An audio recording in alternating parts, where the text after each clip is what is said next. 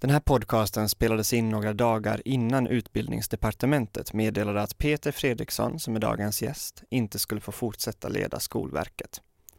Därför nämns inte detta i samtalet. Hej och välkommen till Kornhall och Nets. Den här skolpodden som jag och Ingela gör i samarbete med tankesmedjan Arena Idé. Och det är alltså jag, Per Kornhall. Och jag brukar titulera mig oberoende expert eftersom jag faktiskt har papper från EU-kommissionen att jag är det. Eh, annars så är väl det inte någonting man tar i egen mun precis. Men annars är jag författare och ordförande för läromedelsförfattarna. Och Ingela, det är ju då Ingela Nets. Och vad gör du Ingela? Du är lite spännande i så här mellanfas. Jag, ja, jag är verkligen i mellanfas nu. Jag, jag vet inte ens vad jag ska titulera mig just nu. Utbildare kanske. Jag är på väg att lämna mitt verksamhetsutvecklarjobb och eh, på väg in i nya utmaningar som är lite så här hemliga än så länge. Mm. Eh, och eventuellt blir jag också student till hösten, vilket jag ser väldigt mycket fram emot. Mm. Men eh, självklart ska jag hålla mig kvar i liksom skol, skolvärlden. Så, så stay förstås. tuned. Exakt. Ja. Spännande avslöjanden på väg. Ja. Men vi har en gäst också Per. Ja, det har vi. Och det är en gäst som vi har haft tidigare också. Eh, så jag, och jag tror inte vi behöver någon närmare presentation av honom. Det är, det är Peter Fredriksson från Skolverket. Eh, Peter har jobbat, har ju en bakgrund som lärare, jobbat som skolchef, bland annat då i Södertälje var han ju chef för, för skolorna där. Eh, innan han 2017 blev, blev generaldirektör för Skolverket. Eh, hej Peter! Hej Per och hej Ingla! Välkommen. Tack ska ni ha. Jag blev ju lite nyfiken Ingela när du sa att du ska studera. Vad är det du ska studera eventuellt? Det kanske du inte vill säga? Ja, ja alltså om, om alla, allting går i lås och, och alla antagningsnämnder vill mig väl så kommer jag att läsa ett masterprogram i Educational Leadership i oh. Vancouver i Kanada. Oj. Eh, men på distans. Eh, ja. Kopplat till den utforskande spiralen som jag har jobbat med några år. Så det mm. ska bli väldigt spännande. Det låter spännande. Mm, mycket. När man, när man säger Peter, du har ju varit med tidigare och, och du är ett känt namn i skolvärlden naturligtvis och för lärare och för, för de som, som lyssnar på den här podden tänker jag. Eh, men det är också så att om man söker information på dig så är du, du, du är helt icke-närvarande på sociala medier. Eh, det går liksom inte att liksom söka och så få massa information om, om ditt och datt, eh, mm. om dig. Eh, hur tänker du där? Det är, det är liksom ett medvetet val. Och är det något man ska göra som generaldirektör kanske? Jag tror att man kan göra på olika sätt. Men det, det är som du säger, jag, jag har inget Facebook-konto eller Twitter-konto, Instagram-konto. Så att jag har ju valt att vara frånvarande på, på, på här. Eh, sen finns jag ju där ändå då eftersom andra kommenterar ibland vad jag gör och vad jag säger. Det är jag ju medveten om. Men själv är jag inte aktiv där. Följer du sådana plattformar? Det gör jag inte. Eller, eller, eller, eller du, du, ja, du gör inte det, nej? Det gör jag inte, men jag får ju viss information. Skolverket följer ju naturligtvis olika mm. plattformar så att jag får ju information om det eh, är någonting som de bedömer att jag behöver känna till. Mm. Mm.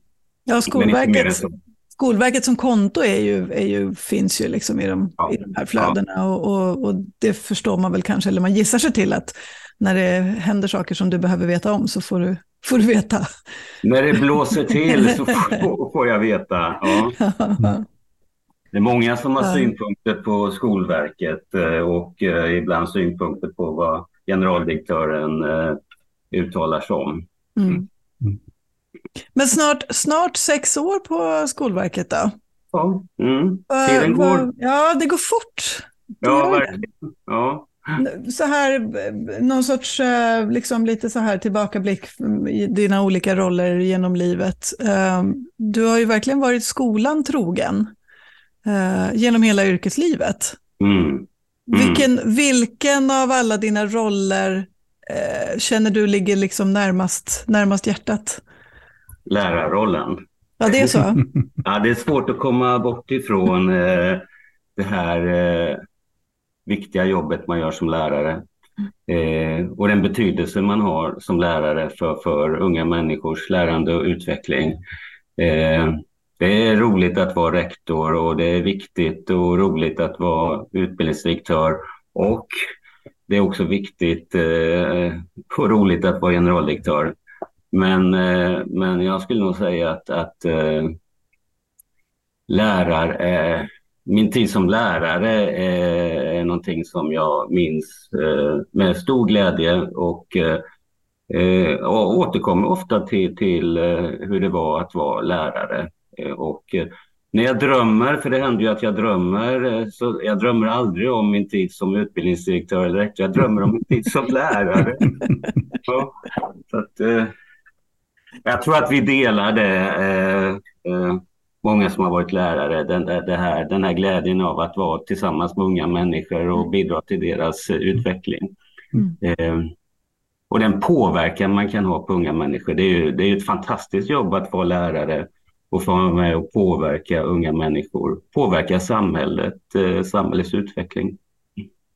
Jag kan verkligen relatera till det, för jag, jag känner, jag säger ju ofta att jag är lärare, men det var ju väldigt, faktiskt väldigt länge sedan jag var i klassrummet. Mm. Men då har jag en liten, en liten tanke.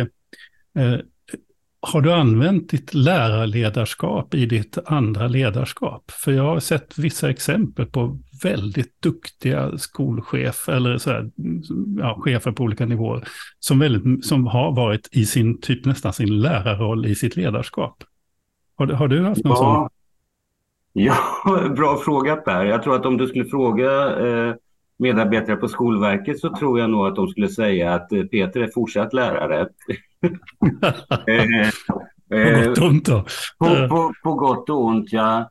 Nej, men till att börja med så tycker jag nog att oavsett om man är rektor, eh, skolchef, generaldirektör så, så måste man eh, man måste utgå från det som ska hända och ske i klassrummet. Eh, Eh, Eh, för det är ju det som är det viktiga. Vad är det som händer och sker i klassrummet? Hur ser mötet mellan elever och lärare ut? Vad är det som krävs för att eh, det ska pågå någonting bra i det där klassrummet, i den där undervisningen? Så på så sätt så, så, så eh, är jag ju kvar i, i, i, i klassrummet.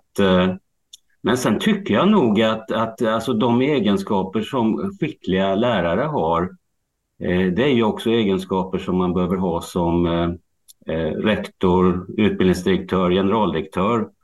Man behöver få människor med sig, man behöver etablera goda relationer. Eh, man måste vara tydlig med vad man vill och, och, och positiva höga förväntningar. Så att i någon mening tror jag att, att, att eh, det som utmärker en skicklig lärare är också det som utmärker en, en skicklig ledare på andra nivåer i skolan och också på, på Skolverket. Du är ju, du är ju onekligen väldigt liksom, många steg ifrån klassrummet nu. Mm. Hur, mm. alltså, hur, hur ofta träffar du, för jag vet, vi jobbade ju faktiskt ihop i Södertälje för 10-15 år sedan, så där, när du var utbildningsdirektör och jag var rektor i Södertälje, eh, och också jobbade på förvaltningen. Um, jag, jag, vet att du då var väldigt liksom nära. Du hade väldigt mycket tankar och åsikter om det faktiska arbetet i klassrummet. Kan du fortsätta ja. ha det? Liksom? Möter du lärare i ditt nuvarande jobb? Är du i klassrum på det sättet att du inte bara kommer in som någon sorts så här liksom galjonsfigur och alla, alla är snälla en stund? Liksom? Är du med på hur jag tänker? Blir det på ja, riktigt? Jo. Ja, men det, det, har varit viktigt eh, för mig. Man ägnar sig åt det man kan, brukar jag tänka. Och, och man är upptagen av det som man kan och det som man tycker är viktigt. Och eftersom jag tycker att det är viktigt det som händer i klassrummet så har jag ju oavsett vad jag har gjort eh, hela tiden försökt och, och, och eh, att, att vara i klassrummet. Och som du säger Ingela, när jag var utbildningsdirektör så var jag ofta ute på skolorna, också ute på förskolorna, träffade lärare, elever, barn i förskolan. Och det har jag också fortsatt med när jag eh, nu då är generaldirektör på Skolverket. Så att jag är ofta ute på skolor och träffar lärare, träffar, träffar elever. Eh, och det tycker jag är väldigt viktigt, för det som Skolverket gör måste alltid eh, relateras till det som, som, som händer och sker i skolan. Eh, det, är, det är jätteviktigt för mig att, att Skolverkets medarbetare förstår att, att det vi gör ska i slutändan eh, leda till att eh, elever och lärare får, får goda förutsättningar att, att eh, göra det arbete som, som krävs för att eh, ja, elever ska lyckas eh, nå målen, eh, utvecklas och lära sig utifrån de här styrdokumenten som, som Skolverket ansvarar för. Fast det är ändå så att menar, myndigheten som sådan har ju inte någon del i det genomförandet där, där ute så att säga. Eh, eh, det ni gör är ju, är ju skapa regelverk eller, eller, eller, insatser av olika slag. Hur, hur, är det med själva myndighetens kontakt med skolväsendet? Eh, ja. Jag tänker mig att väldigt många som blir anställda, förutom vissa yrkesgrupper som ekonomer, jurister och sånt, ändå kommer från skolans värld. Men sen, mm. sen så stannar de väl på Skolverket? Alltså har Skolverket kontakt med skolsystemet? Mm. Vet man om vad, vad som händer? Ja, nej men eh, det är som du säger, Skolverket har ju inte ansvar för vad som händer och sker i klassrummet. Men jag brukar tala om, om att Skolverket har eh, ett antal funktioner och eh, vi har ju en normerande funktion och när vi jobbar med styrdokument så är det naturligtvis oerhört viktigt att här ha många kontakter med lärare, de som ska ta om hand de här styrdokumenten, de som ska omsätta alla de här orden i handlingar. Eh, och eh, vi har ju också en stödjande eller professionsutvecklande funktion. Och då måste vi också där hela tiden fundera på vad är det lärare behöver för, för eh, stöd eh, som kan främja deras arbete. Och vi har en analyserande funktion, det är de tre funktioner som jag brukar tala om, normerande, stödjande och analyserande. Och också i den analyserande funktionen så är det viktigt att fundera på vilka frågor är det vi behöver ställa, vad är det för uppföljningar vi behöver göra, som, som kan ha eh, eh betydelse för, för eh, att vi sen eh, utvecklar det ansvar vi har vad gäller normering och stöd. Så att, oavsett vad vi gör så har vi väldigt mycket kontakter med, med, med de verksamma i skolan. Ibland eh, möter jag någon föreställning om att vi på Skolverket sitter och, och, och klurar på saker och ting och hittar på någonting utan de här kontakterna. Men så är det ju inte, utan hela tiden så, så har vi omfattande kontakter med de verksamma utifrån att vi ser det som helt nödvändigt. Eh, och på Skolverket det finns ju människor naturligtvis med olika bakgrunder, olika erfarenheter, olika kompetens, men väldigt många har ju sin bakgrund i skolan eh, och, och, och har ju då precis som jag en, en förståelse för det som, som eh, eh påverkar eh, eh, verksamheten i förskola och, och skola. Eh, så att eh, jag tycker nog att, att, eh, att vi, vi har vi har, vi har stor kunskap om, om vad som händer och sker i skolan och förskolan, vad som påverkar Eh, lärares eh, möjligheter och förutsättningar att göra sitt jobb, det som påverkar rektorer. Eh, och det där är en kunskap som vi hela tiden behöver ha med oss, men det tycker jag att vi har. Mm. Ja, Ingela. Nej, jag, bara funderar på den här den liksom politiska aspekten. Det, um, det har ju skett ett liksom regeringsbyte sedan du um, tillträdde. Um, och vi har en, en, en liksom ett borgerligt block som, som uh, fattar besluten nu. Mm. Känner du dig liksom orolig i din position? Tror att, alltså, sådär, nu har man, liksom, regeringen byter ut uh, Migrationsverkets generaldirektör nu uh, och är tydliga med att det bland annat handlar om att han är tydlig med sin liksom, politiska övertygelse också. Så. Va, vad tänker du? Är det så att man blir lite nervös när det blir ett regeringsbyte? I en sån roll som din? Nej, nervös tycker jag inte jag blir. Men det är som du säger Ingela, att eh, en ny regering kan ju ha naturligtvis nya tankar, idéer om vad en myndighet ska göra. Eh, myndigheter är ju politiskt styrda. Mm. Eh, och vi har att förhålla oss till det som politiken vill och eh, den här nya regeringen har ju kommunicerat att man eh, vill delvis någonting annat. Det är andra frågor som man vill ha fokus på och det betyder ju att eh, Skolverket eh, behöver ställa om och det gör vi ju. Jag har ju varit väldigt noga med att lyssna in vad, vad den nya regeringen vill. Jag har ju träffat skolministern många gånger och statssekreteraren många gånger och i de samtal vi har haft så har jag ju snappat upp naturligtvis vad, vad politiken vill och eh, sen har jag tagit det vidare till myndigheten och där pratar vi om eh, vad vi nu behöver prioritera, vad vi ska eh, göra mer utav, eh, eh lite mindre av. Eh, så att, och vad, är, så... vad är det då konkret? Vad, vad, är, vad är det för styrningar som ni gör? Vilka förändringar? Ja, men eh, Eh,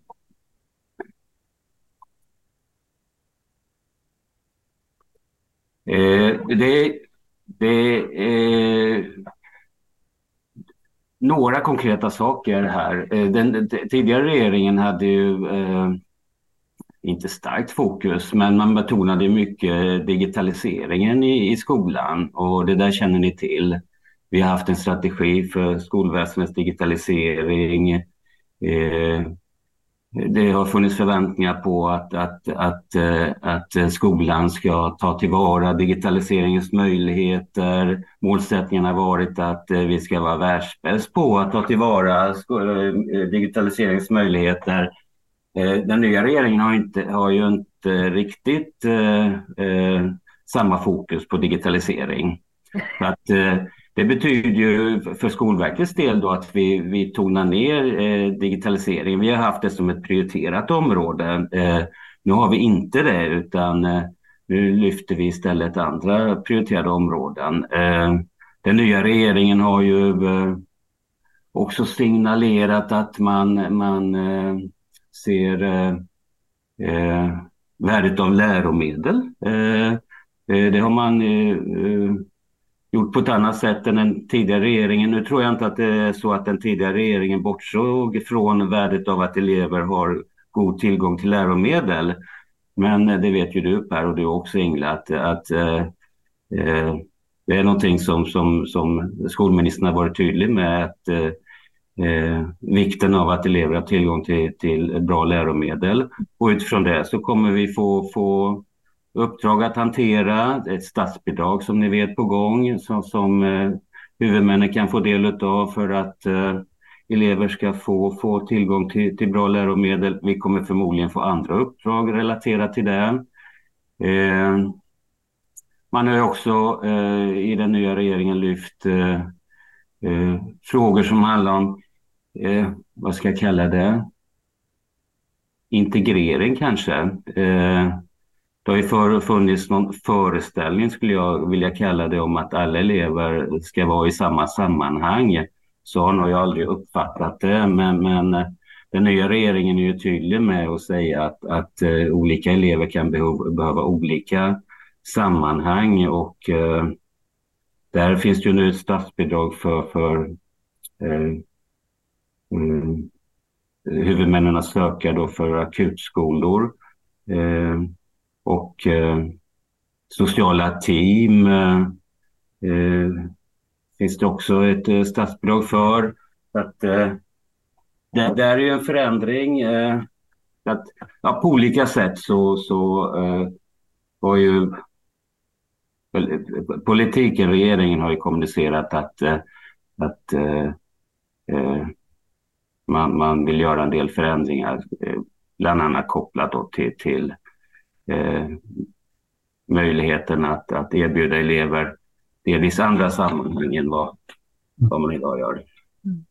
Det finns ju en hel del följdfrågor som du förstår, mm. men jag tänker bara på det här begreppet akutskola, för det, det har jag då aldrig stött på i, i svensk skola. Eh, vad, vad, är liksom, vad hur, hur tänker man där? Ja, eh, jag kan väl berätta om hur jag tänker. Eh, jag, eh, jag, jag ser gärna att man är, är proaktiv. Det, det, det, tror jag kanske också att eh, många andra ser värdet utav. Jag brukar ju säga att det, att det måste vara rätt från början.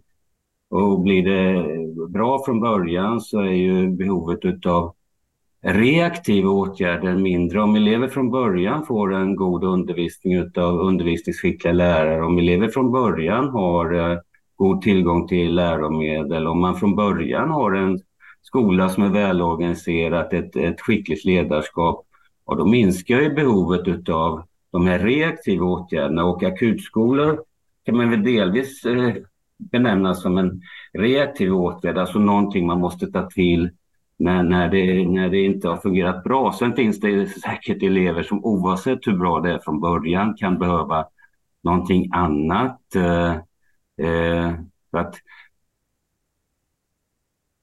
det ena behöver naturligtvis inte utesluta det andra, men, men eh, jag och Skolverket är av den åsikten att det viktigaste är att det är bra från början, att vi jobbar med det som, som, som kan leda till att, att det är kvalitet eh, från början. Och att elever möter det de behöver från början. Sen, sen eh, utesluter inte det att man kan behöva jobba med åtgärder av olika slag som akutskola eller sommarskola eller vad det nu kan vara, lovskolan. Men behovet av akutskolor eller eh, sommarskola eller lovskola ökar ju om det inte är kvalitet från början. Men det här ordet kvalitet är ju spännande, men utifrån det du liksom beskriver här med alltså en bra start med, med att det finns duktiga lärare och att man har tillgång till det, de resurser man behöver och så vidare i form av läromedel och, och liksom, eh, strukturer och, och så. Um, du sitter ju på någon sorts unik överblick här, för du sitter ju verkligen i helikoptern liksom högst upp över hela mm. landet så, och förstås mm. även internationella utblickar tänker jag. Alltså, vi, det har vi ju pratat om länge, hur viktigt det här är. Mm. Vad är det, utifrån din, liksom, det du ser, vad är det som gör att vi ändå inte kommer dit? För så är det ju onekligen, att vi ser ju snarare tvärtom, att det är allt fler barn som har behov av något annat än det den mm. liksom vanliga skolan mm. kan erbjuda. Mm. Ja, så är det ju. Eh, och, och samtidigt eh, vet vi ju att det är väldigt många elever som får det som de behöver. Eh, jag tycker ju ibland att bilden av svensk skola är lite problematiskt, problematisk. Att vi har väl kanske en, en, en tendens att, att lyfta problemen och att det är problemen som, som får definiera svensk skola. Många svenska skolor är väldigt väl fungerande och väldigt många elever möter eh, en mycket god undervisning. Men som något svar på din fråga. Eh, Skolverket brukar ju säga att, att det största problemet i svensk skola är den här variationen vad gäller kvalitet och kapacitet. Och vad beror då det på att det är en sån variation?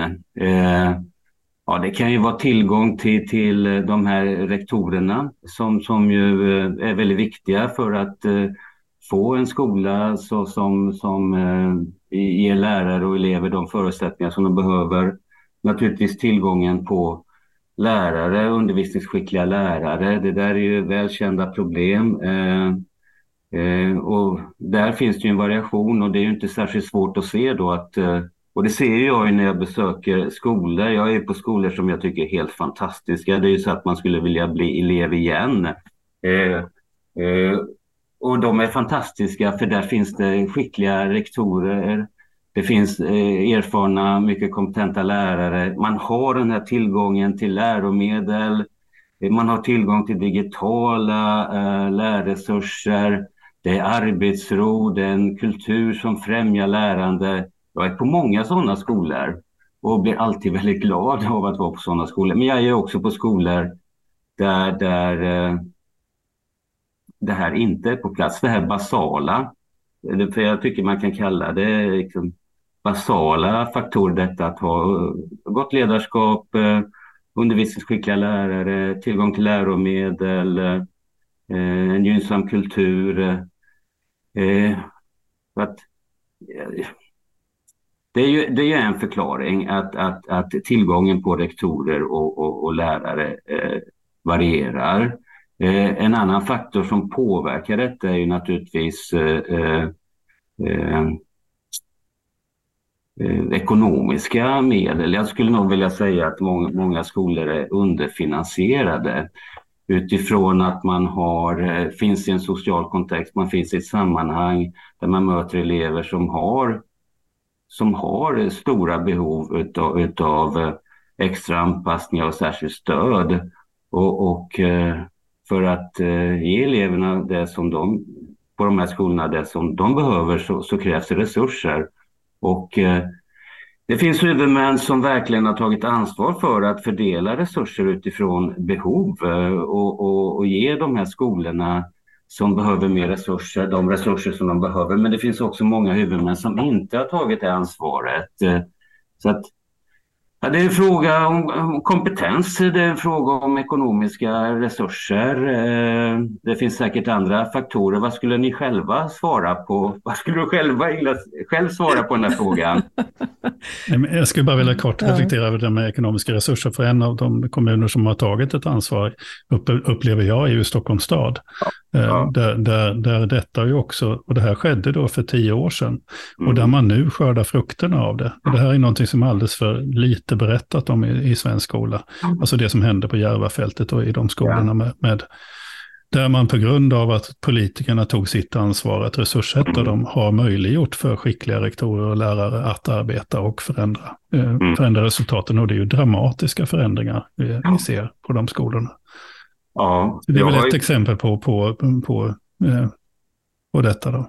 Ja, jag har ju besökt eh, flera skolor på Järvafältet och eh, där pratar man ju inte längre om brist på, på resurser utan man pratar om vad man gör med de resurser mm.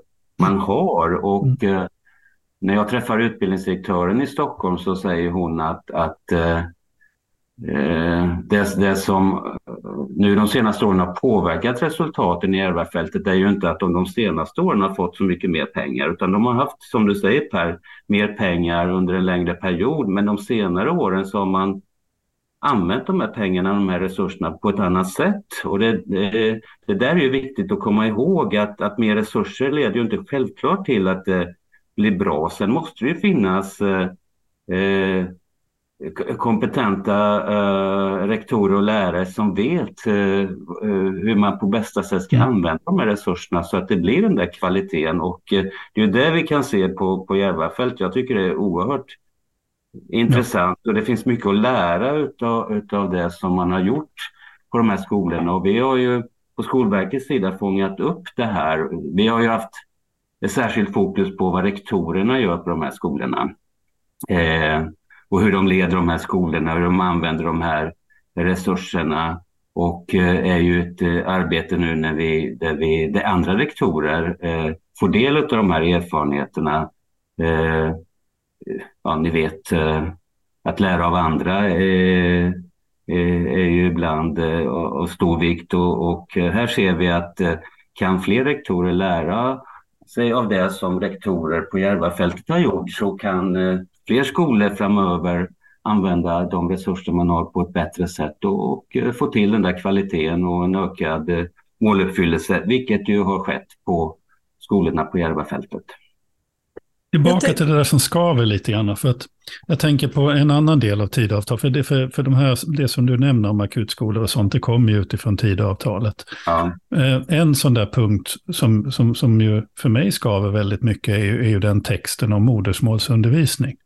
Mm. Som ju andas att modersmålsundervisning på något vis skulle hindra integration. Och, mm. och, och, allt vad vi vet ifrån forskning är, är det motsatta, alltså för språkutveckling och allt annat och så. Mm. Hur hanterar man som myndighet eh, ett sådant, så att säga, en sådan signal? Där, ja. där, man, där man vet någonting annat. Alltså det här speaking truth to power, myndigheternas ja. oberoende eller, eller, eller expertkunskap i förhållande till, till en politisk styrning. Då. Mm. Och då menar jag inte, det finns ju saker i tidavtalet som är, men, men just om man tittar ner på en sån, den specifika eh, biten. Ja, jag, jag, jag, tror att man ska komma ihåg att eh, när det här tidavtalet skrevs fram så eh, skolministern var ju inte involverad i de samtalen. Jag, jag tror inte heller att någon annan med specifik skolkompetens eh, fanns med i de här diskussionerna. Eh, eh, och eh, det finns ju flera delar i det här tidavtalet som, som politiken så här långt inte har, har eh, tagit vidare. Och det som du nämner nu eh, har vi inte eh, på Skolverket ännu något eh, uppdrag eh, kring. Eh, vi får väl se om, om det kommer. Ett annat exempel är den här läslistan som ju också är någonting så, som, som ju finns i tidavtalet. Eh, det har vi inte så här långt heller sett någonting utav. Men som något svar på, på den fråga du ställer, Skolverket är ju en expertmyndighet eh, och en självständig myndighet. Eh, och vi har inget annat val än att, att eh, eh, använda oss av den kunskap som, som vi har. Sen kan det ju ändå sluta med att politiken vill någonting annat. Eh, men att vi måste ju i våra ställningstagande utgå från den, den, kunskap som finns, den vetenskap som finns. Ni vet i skollagen står det att utbildning ska vila på vetenskap och prövad erfarenhet och vårt arbete ska definitivt göra det. Eh, och ibland är vi ju av den anledningen inte överens med, med politiken eller eh, låt oss kalla det ett mer ideologiskt perspektiv. Politiker eh, har ju ett ideologiskt perspektiv. Vi ska ju ha ett eh, kunskapsperspektiv och det är det som vi ska stå för och det är det som vi ska förmedla. Eh, sen kan man som politiker välja ändå att, att eh, göra någonting så, som, som inte är i linje med det som expertmyndigheten Skolverket eh, förmedlar. Eh, eh, ett exempel på det är betyg i årskurs 4. Eh, Där ju Skolverket då utifrån den kunskap som finns bedömde att det inte var ett bra förslag att, att införa betyg i årskurs 4.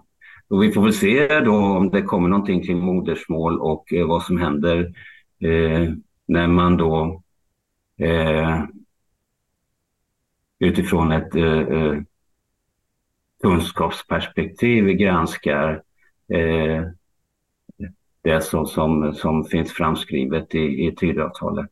Men så här långt så har vi inte varit just den frågan.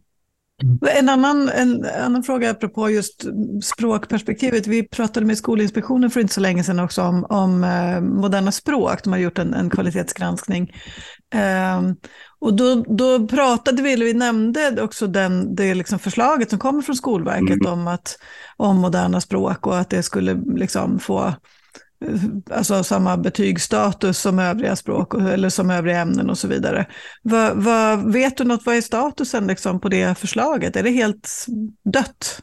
Jag vet inte. Eh, det, dött eh, tror jag inte att det är, men, men eh, jag, jag, vet i, i, ingenting. Det händer faktiskt till och från att, att det blir lite tyst. Eh, eh, eh det, det är förstås så att politiken har, har många frågor att hantera och en del blir lite liggande i den där högen eller på den där hyllan och, och vi har ingenting. Eh, så att vi har ju bland annat föreslagit, vilket jag tycker är en väldigt bra idé, att, att, eh, eh vi bör, att det, finns ju ingen kursplan för svenska eh, eh för nybörjare.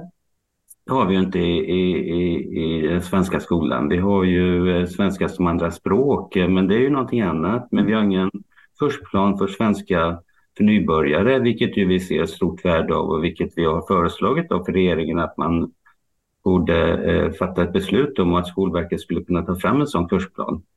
Eh, jag vet att skolministern tyckte att det här var en bra idé, men, men eh, sen har vi inte hört någonting. Så att, det, det, finns, eh, det finns frågor, det finns områden så, som eh, eh, eh, ligger vilande, kanske man kan kalla det. Mm. Och då får ni jobba på er lite i lugn och ro. Eh, ja, men, men jag tänkte, jag tänkte en annan, för, för jag tänkte den här synvinkeln att om man då tittar till exempel på tidavtalet så, så har ju Lotta Edholm en, en lång, lång, lång, lång att göra-lista liksom med punkter och så. Men Mats mm. Persson, han får ju sitta i lugn och ro och, och göra vad han vill. För att det finns ju väldigt få punkter som bör... Alltså, det är ju också så, hur är det att vara liksom myndighetschef i den myndighet som hela tiden hamnar i politikens fokus? Alltså, mm.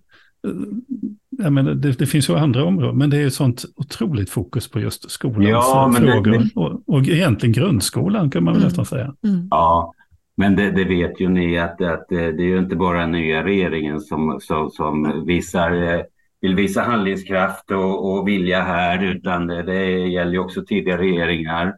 Och att man har fokus på grundskolan är ju inte så konstigt, för det, det fattar ju alla eh, som jobbar i skolan att det är oerhört viktigt att vi har en väl fungerande grundskola eh, för, för elever, för medborgare, för landet Sverige.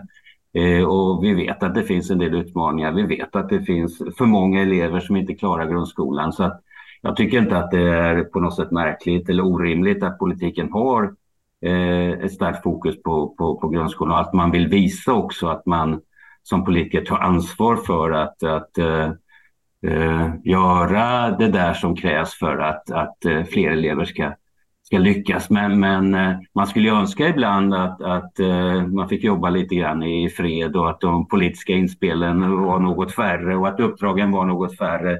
Skolverket är ju en väldigt hårt styrd, reglerad myndighet. Eh, alla myndigheter är som vi var inne på tidigare politiskt styrda, men Skolverket är väldigt eh, styrd i den meningen att vi har väldigt många uppdrag. Eh, de som ansvarar för lärarutbildningen brukar säga att det finns ingen utbildning som är så eh, styrd som lärarutbildningen, som har så många mål. Eh, och jag vet inte om det finns någon myndighet som är så styrd som, som Skolverket. Vi har så många uppdrag eh, jämfört med andra eh, eh, myndigheter. Och det där kan ju vara lite, eh, som du är inne på, eh, knepigt. Man ska navigera i det här och, och försöka att eh, förstå vad politiken vill. Eh, vad är viktigare än någonting annat? Hur ska vi få allt det här att hänga ihop? Eh, det kan ju vara en utmaning. Det är inte säkert att, att det alltid finns något det, det där helhetsperspektivet eller det där långsiktiga perspektivet utan det kan ju vara ganska kortsiktigt och det kan vara detaljer. Eh, och för mig är det ju naturligtvis en viktig uppgift att, att eh, få chefer och medarbetare att förstå vad det är vi har ansvar för och, och eh, eh att vi i vårt eh, arbete får de här delarna att, att utgöra någon form av helhet. Eh, så att, eh, det, men det, det ingår liksom i jobbet eh, Per att, att, att lyssna in politiken och, och, och navigera i den här politiska viljan. Hur funkar det rent praktiskt då? Um, alltså, lyfter du luren och ringer till skolministern eller till någon av hennes medarbetare när du tycker att det här, den här informationen, den här analysen behöver ni ha? Eller är allting väldigt liksom formaliserat och skickas i Nej. snygga dokument, eller hur? Nej. Liksom? Nej, det är inte så formaliserat. Eh, eh, jag har ju jobbat under fyra ministrar mm. Eh, och jag har ju förstått att många tror att, att minister man som generaldirektör har många kontakter med. Det är det ju inte, utan det är ju framförallt statssekreteraren man har kontakter med. Mm. Sen träffar jag ju ministern också naturligtvis ibland, men, men men den person som jag framför allt träffar är ju statssekreteraren och där kan det nog vara så att, eh, att eh, jag ringer eller han ringer mig, nu är det en han då. Eh, eller också sitter jag på departementet och, och, och, och eh, eh, pratar med honom och försöker reda ut eh, hur vi ska ta om hand en uppdrag, en politisk vilja. Eh, så att mycket, många samtal är det, men, men eh, rätt ofta av en eh, in, eh, ganska informell eh, karaktär. Sen, sen, sen ja, vi har ju många dragningar, vi redovisar på departementet. Men, men däremellan är det många informella samtal då vi gemensamt brottas med olika frågor. Det finns en politisk vilja, hur ska den omsättas i ett uppdrag? Vad är rimligt? Hur lång tid kommer det ta? Vad krävs? Är det här bra? Vad ska vi tänka på? Ett, eh, ja, samtal eh, som bygger på en ömsesidig respekt. Eh, eh, jag ska ha respekt för den politiska viljan. På politisk nivå så behöver de naturligtvis ha respekt för, för eh, Skolverkets eh, ja, kompetens, eh, kunskaper. Att, eh, ja, eh, men det, det, är inte så mycket, det är inte jag och, och skolministern som, som sitter och pratar så mycket utan mest jag och statssekreteraren. Mm. Vi, vi är lite nyfikna, för jag såg, jag såg ju både Ingel och jag hade liksom någon liten kommentar om, om i, i, i frågorna som vi, vi har in, in, gemensamt så att säga, dokument. Och då så ser jag att vi bägge var lite nyfikna på det här med digitaliseringsstrategin. Vad som mm. hände där. Eh, att den då gick ut på remiss och, och, så. Det är ett uttryck då för en politisk vilja, tänker jag. Mm. Mm. Eh, vad, vad händer i den processen med den nationella eh, strategin?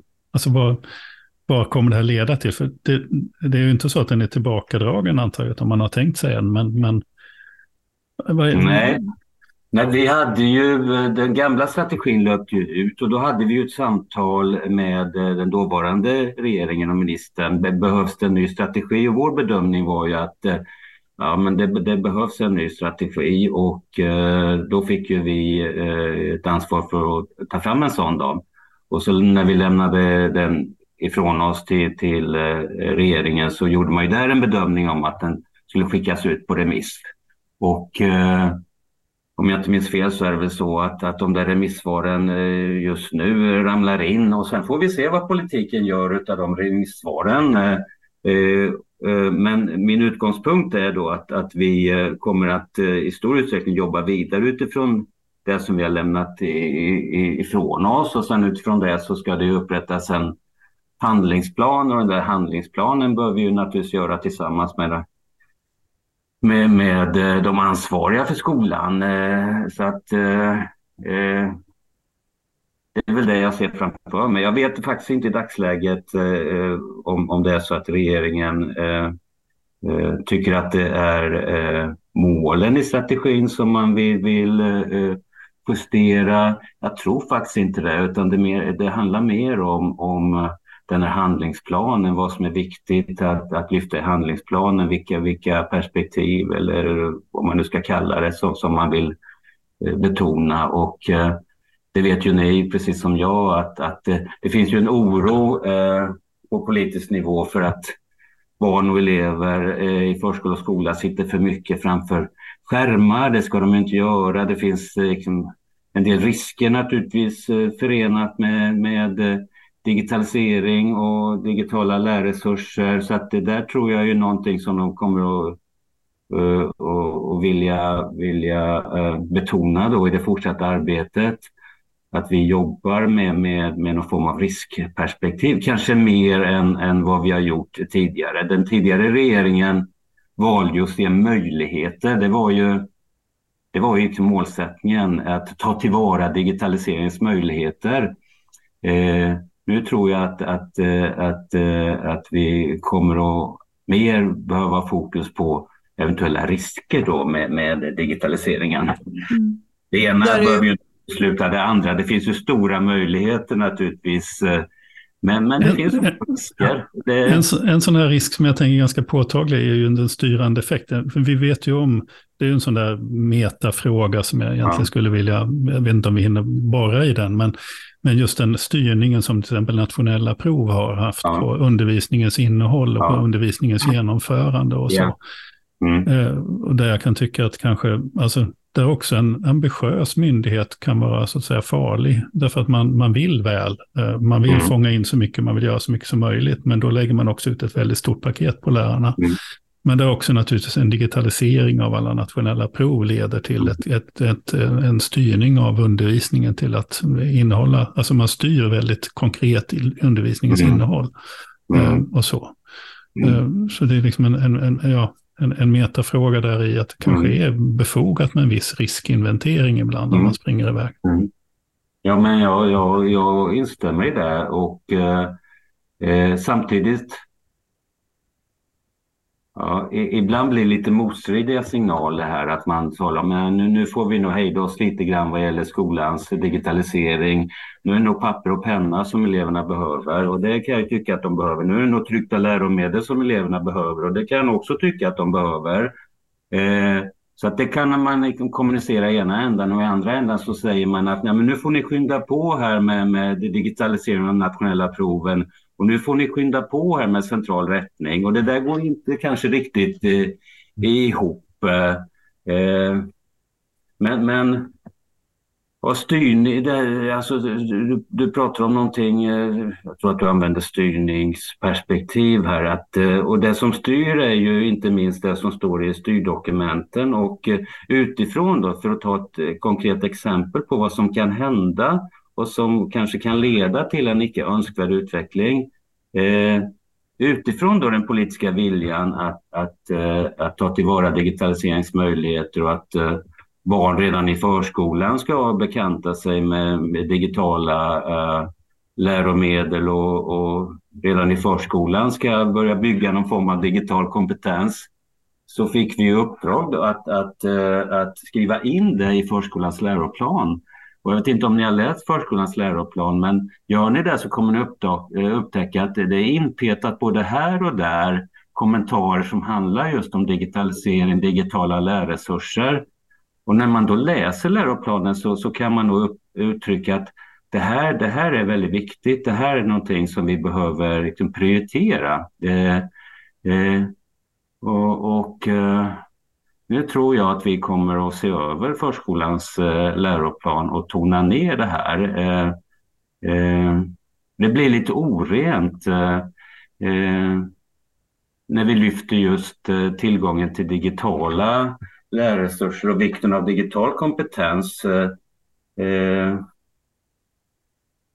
Så att det, för, för vi, har ingen, vi vet ju om att till exempel läsningen minskar i, i skolan. Ja, mm. Men vi har ingen lässtrategi. Nej, nej, men precis. Alltså det är väl det du är ute efter lite? Ja, det är det jag är ute efter. Att plötsligt betonar vi eh, ett, eh, ett perspektiv eller en dimension. Eh, och eh, det finns andra exempel på det. Eh, eh, och, och för att ta ett konkret exempel. Vi talar ju om vi vet, skolans eh, värdegrund och demokratiuppdrag och eh, vår, vår utgångspunkt är att det där ska vi jobba brett med och när man, men när man då börjar skriva in specifika perspektiv här så, så, så, och inte andra så, så händer något motsvarande det som vi pratar om när vi pratar om förskolans läroplan och närvaron av det digitala perspektivet i den. Eh, så att eh, Eh, lyfter, man, lyfter man den dimensionen, ett perspektiv och inte någonting annat så får ju den styrande funktioner. Och, och plötsligt blir digitalisering viktigare än det där som du pratade om här Per, för det där andra är inte, är inte nämnt så explicit då i styrdokumenten. Och mitt i det här så står, står ett lärarkollektiv och en skolledarkollektiv som ska mm. försöka liksom, eh, förstås tolka och förstå det som står i, mm. i läroplan och styrdokument så, och, och göra liksom verkstad av det ute i verksamheten. Och, och jag läste apropå remisserna, eh, remissförfarandet nu när det gäller digitaliseringen då, så kom det från edtech-industrin här då ett remissvar. Det är klart, det, det, det ligger ju i sakens natur att de förstås tycker att det är viktigt med, med liksom digitala eh, läromedel och så vidare. Ja. Men, men de pratar också om lärarnas kompetensutveckling mm. kopplat till det här eh, och hur viktigt det är. Och, och, och, så tänker jag sådär, men alltså hur... Det, det, det här är ju ganska stora svängningar på relativt mm. kort tid ändå i någon sorts vision om vad skolan ska vara och göra och ge liksom, mm. den mm. uppväxande generationen.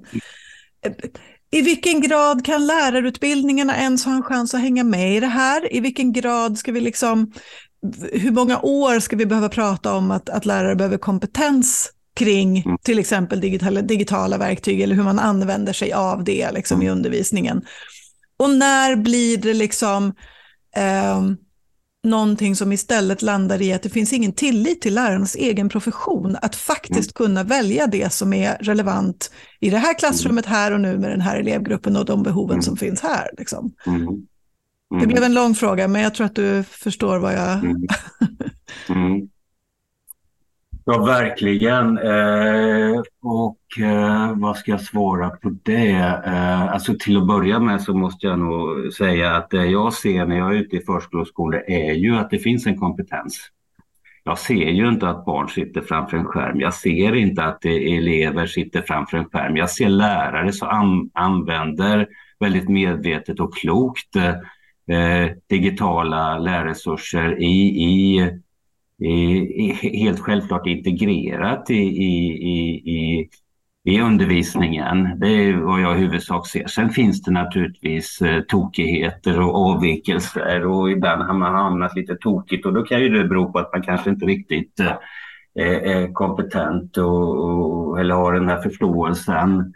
Eh, och kanske då att, att man, man Kanske det är då en följd av det som jag tycker att du är inne på, att den politiska viljan pekar ut någonting som man måste förhålla sig till som, som lärare som man kan inte, kanske inte riktigt eh, eh, är kompetent inom eller kanske eh, att man inte riktigt förstår värdet utav. Eh, eh, vad du egentligen säger Ingela är att, att det blir bra om lärare får, får ansvar för att planera, genomföra, följa upp undervisningen och att man får använda de metoder som man, man, man eh, bedömer är rätt och riktiga och att man får använda de hjälpmedel som man bedömer att eleverna behöver. Att det är ju naturligtvis önskvärt. och det, det, är ju också så här, jag menar, jag, jag gick ut som lärare, det ju, när jag gick ut, det är ju ganska länge sedan.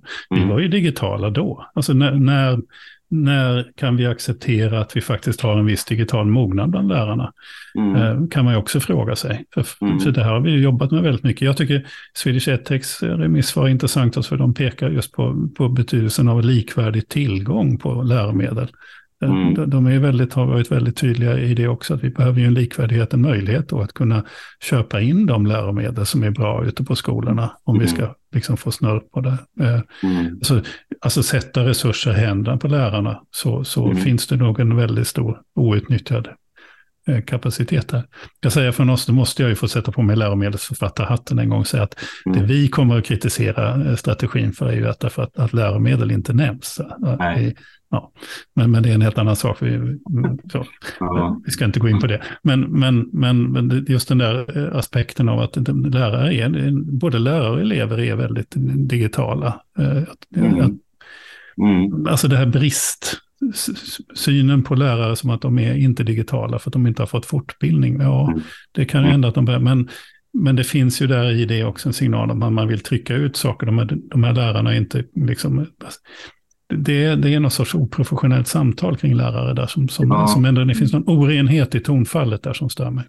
Ja, men, men ja, jag, jag instämmer i det och när, när man då förmedlar bilden av att, att eh, eh, man inte ute i skolor och förskolor använder digitala hjälpmedel på ett sätt som främjar lärandet eller barns och elevers utveckling så ligger ju någon form av misstro eh, mm. bakom detta och det, jag tycker att det är lite olyckligt och, och eh, lite grann av uh, kanske någon form av mytbildning som pågår och jag tycker man ska vara uppmärksam så, så, så fort man ser tendenser till, film och utbildning. Det finns så mycket föreställningar om vad som händer och sker i skolan som inte det är liksom inte sakligt grundat. Eh, en parallell till det tycker jag nu den här diskussionen om att elever inte använder eh, eh, papper och penna och att de inte får, får lära sig att skriva. Det finns säkert exempel på det, men, men jag vet inte om det finns någon saklig grund för att säga att elever numera inte får träna sig med papper och, och penna. Man, eller ja, det vi pratar om nu, att, att lärare inte skulle vara kompetenta att använda digitala hjälpmedel. Det tycker jag nog att jag ser hela tiden att de är. Det är väl snarare så att man kanske inte har Eh, de här resurserna. Man har inte tillgång till det, man har inte tillgång till, till, till eh, de här tryckta läromedlen som man skulle behöva. Och det där som jag vet att du och jag har pratat om Per, att det kanske är någon annan som bestämmer vad det ska vara för digitala hjälpmedel eller till och med vilka böcker som ska köpas in.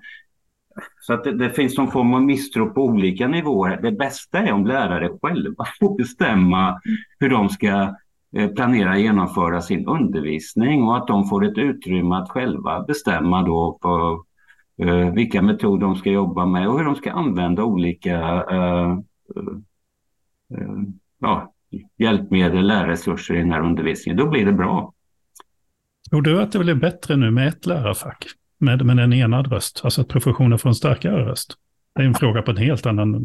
Ja, Ja, ja, det är ju förhoppningen eh, och, och eh, jag tror ju att eh, jag ska inte bedöma, det här är någonting som facken naturligtvis får ta ansvar för, men, men vad jag förstår så är förhoppningen då att, att, att eh, en röst, en enad röst eh, kan stärka eh, de professionellas möjligheter att påverka det utrymme som de behöver ha när det handlar om att, att planera, genomföra, följa upp undervisningen. Så att det, så kan det kanske bli. Vi måste ju liksom, det har ju gått en timme, ja, tiden går fort, vi måste ju försöka runda av lite grann. Men vad är du mest stolt över på din tid som Skolverket? Oj, eh, uh, vilken svår fråga. Eh, eh, ja, men jag, alltså som, som myndighetschef så får man ju vara stolt över att eh, genomföra det som eh,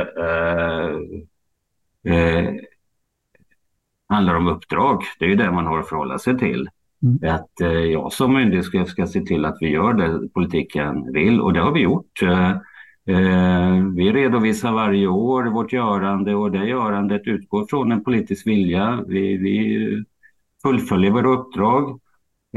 Sen vet ni att man också som myndighetschef ska se till att man håller budget. Det har vi gjort. Eh, eh, det ska vara en väl fungerande organisation, medarbetarna ska trivas, tycka att de har möjlighet att göra ett bra jobb. Så är det. Eh, så att det men det var lite mer utifrån ett internt perspektiv det här, att hur myndigheten fungerar och, och på vilket sätt vi eh, förhåller oss till politisk eh, vilja och, och de ramar vi har. Om, om, om det är mer ett externt perspektiv Oh, eh, ja, men kanske är det att jag har, eh, jag vet inte om jag är stolt över det, men, men, men jag, jag, tror att jag har etablerat eh, på myndigheten vikten av att hela tiden ha det här, eh, att hela tiden se den här styrkedjan eh, framför sig. Alltså att eh, den här styrkedjan, ni vet vad jag pratar om. Det finns, det finns eh, en politisk nivå och sen finns det en, en, en eh, skolchefsnivå, rektorsnivå och lärarnivå. Hur viktigt det är att vi hela tiden, vad vi än gör, eh, ser att, att eh, det, behöver, det behöver vara ett ansvarstagande på alla de här nivåerna. Det, det, det är inte bara lärarna som ska, ska liksom göra rätt saker utan rektorer behöver göra rätt saker, skolchefer behöver göra rätt saker, politiker behöver definitivt göra rätt saker och att det där jag tycker nog att det är väldigt tydligt etablerat nu. Vi kan inte enbart ha fokus på, på, på lärare. Det, det, det räcker inte om vi ska få en väl fungerande skola. Och är det någonting som jag tycker att jag har bidragit med så är det väl att lyfta kanske skolchefsnivån då, som jag tycker mm. var väldigt frånvarande på, på Skolverket när jag började. Och där har ju Skolverket, där har jag initierat en skolchefsutbildning som jag tror är bra. Vi har eh, jobbat med olika nätverk kring skolchefer. Eh, jag har väl varit väldigt angelägen om att ha, ha eh, återkommande kontakter med, med skolchefer, Skolchefsföreningen. Eh, vi har sett över rektorsprogrammet eh, eh och utbildningen där, målsättningen där. Eh, ja, mm. och det där, det där jag säger nu utgår ju naturligtvis från mina egna erfarenheter. Jag, ju, mm, mm, jag tror att jag har fattat vad som krävs för att man ska vara en bra lärare. Men också har jag fattat vad som krävs för att man ska vara en bra rektor och faktiskt fattat någonting om vad som krävs för att man ska vara en bra skolchef. Så att de erfarenheterna har jag tagit med mig och det tycker jag har satt sina spår faktiskt på myndigheten. Mm. En jättekort följdfråga där, sen måste vi verkligen eh, knyta ihop säcken. Men, men eh, alltså Skolverket som regionala utvecklingscentra, mm. ja. vad, vad händer? Ja, men apropå det där som vi pratade om lite inledningsvis, det är vikten av att, att, att, vi, att vi har det här proaktiva, den här proaktiva ingången. Eh, nu har vi inte pratat om professionsprogram, eh, men det är ju, mm. ni vet att vi har ju nu ett råd för de professionella i skolväsendet och vi, vi har träffats några gånger och vi, vi pratar om hur vi ska ta fram ett system för, för, för kompetensutveckling, system för meritering. Det här tycker jag är jätteviktigt. För här menar jag att vi kan bygga någonting som stärker Eh, Eh, lärares kompetenser som kan stärka deras auktoritet, stärka deras legitimitet. Och det handlar inte om att Skolverket ska bestämma vad lärare ska kompetensutveckla sig, utan det handlar om att ta fram system för att lärare själva kan jobba med att utveckla det som de bedömer att de behöver utveckla. Eh, och det handlar om att ta fram någonting som gör att de kan meritera sig, vara i en professionsutveckling. Och det där är ju helt avgörande om vi ska få en bra skola, om vi ska få det där som är bra från början. Ja, då är det väldigt avgörande att lärare eh, får möjlighet att utveckla sin profession, utveckla sitt kunnande. Och när vi pratar om Skolverket på regional nivå så har ju det sin grund i de här kvalitetsdialogerna som i sin tur har sin grund i det här nationella kvalitetssystemet som jag fattade beslut om ganska nyligen här nu. Som jag ju också tror på någonting som kan lägga grunden till till, till någonting som stärker eh, liksom, huvudmännens kapacitet. Eh, det riktar fokus på, på, på det vi vet är framgångsrikt. Eh, vi talar ju om framgångsfaktorer i det här nationella kvalitetssystemet. Det innehåller ju mål, delmål, indikatorer och framgångsfaktorer. Vad är det för någonting man behöver vara i för att utveckla den här kvaliteten som skolan behöver ha? Och att man samlar sig kring detta. Och, och, jag tror att båda de här delarna, professionsprogrammet och det här nationella kvalitetssystemet eh, kan vara av stor, eh, inte kan vara, är av stor betydelse för att, att, eh, att eh, eh stärka kvaliteten, eh, eh, skapa den där likvärdigheten som vi behöver, eh, bygga någonting som gör att det blir, det blir bra från början det där vi pratade om inledningsvis, är det bra från början så behövs det mindre av reaktiva åtgärder. Mm. för mig är det här ett exempel på kunskapsstyrning. Det är exempel på, på någonting som man skulle kunna kalla proaktiva åtgärder. Eh, eh, ett, ett professionsprogram och, och ett eh, nationellt kvalitetssystem som riktar fokus på det som vetenskap och beprövad erfarenhet har sett är, är det som man behöver vara upptagen av för att det ska bli bra. Och då får man hoppas att ni får fortsätta ha möjlighet att utveckla det. Ja, men det, det, tror jag att vi får. Jag, jag, jag, jag, upplever nog att, att också den nya regeringen ser stort värde i, i detta. Och vi har ju påbörjat de här dialogerna. Vi finns ju på några ställen nu i, i, i Sverige och vi har haft eh, många dialoger och eh, de har varit väldigt uppskattade. Man, alltså man, man, upplever att man får möjlighet att prata om väsentligheter. Sen vet ju ni att, att det blir inte bättre bara för att man träffas en gång och pratar om väsentligheter. Utan sen ska det, de där samtalen tas om hand i ett görande och då behöver vi ha ett nära samarbete, huvudmän, skolor, myndigheter, lärosäten. Men det är en bra början att samla sig kring Eh, vad är det viktiga? Vad är det man behöver fokusera på? Vad säger vetenskap och beprövad erfarenhet? Eh, så det är en bra grund. Där sätter vi punkt, tänker jag. Där får vi sätta punkt. Ja. Tyvärr, det finns som sagt det finns mycket att prata om. Eh, men vi får sätta punkt där. Och, tusen tack för att du var med, Peter. Tack, tack Ingela. Ja, då lämnar Så. jag er så frustrerande här skulle man ju vilja ha samtal längre. Eller verkligen, för att, för att verkligen. Det är naturligtvis så att, liksom, att, fler och fler saker. Mm. Att chefen på Skolverket sitter på, han sitter som en spindel i nätet mm. på en jätteorganisation mm. som gör jättemånga saker och som är mm. jätteviktiga för skolans verksamhet som är mm. normerande som han säger och som är mm. analyserande och alltihopa mm. där och mm. konsekvenserna av det de gör och inte gör mm. och styrning. Och, mm. Det finns ju egentligen hur många djup som ja, helst. Ja, verkligen, och de får ganska mycket kritik och det är ganska många som uttrycker att de inte alls tycker att Skolverket liksom är skolans röst, apropå den här rollen som någon sorts eh, expertfunktion liksom, gentemot politiken. Um, det var nog tur för Peter Fredriksson att han inte var på sociala medier när när det lilla eh, samtalet om eh, digitalisering eh, lades ut som en liten film eh, mm. på sociala medier och fick liksom massiv kritik för att mm. det var mm. naivt liksom, på en nivå. Apropå också kanske det här med, men, men finns det förväntningar på lärare att de faktiskt redan har en mm. ganska stor insikt i de här frågorna? Mm. Så att, ja, nej, men det finns ju jättemycket att prata om kopplat ja. till Skolverket.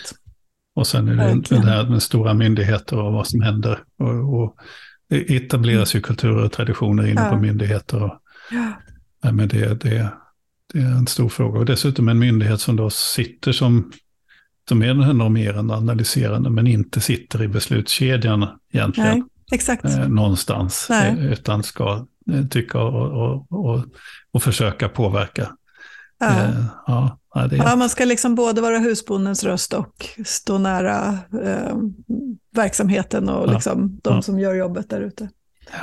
Ja, intressant. Vi får väl bjuda tillbaka Peter Fredriksson eh, om en tid igen, så, där, så att vi liksom får återkomma till de här frågorna. Ja, så, för det är faktiskt. intressant. Mm. Du har precis lyssnat på ett, ett nytt avsnitt av Kornhall och Nets som är en skolpodd som jag, Per Kornhall och Ingela Nets gör i samarbete med tankesmedjan Arena Idé. Eh, och vi intervjuar i varje avsnitt en eller flera personer som vi tycker är intressanta, vars kunskaper, position eller arbete gör att, att vi tycker att de har något att säga om, om vad som händer i skolan. Om du har någon önskegäst eller det finns någonting du vill att vi ska ta upp, hör av dig till oss. Du hittar kontaktuppgifter där du hittade podden. Men med det säger vi tack för nu och vi hörs snart igen. Hej då!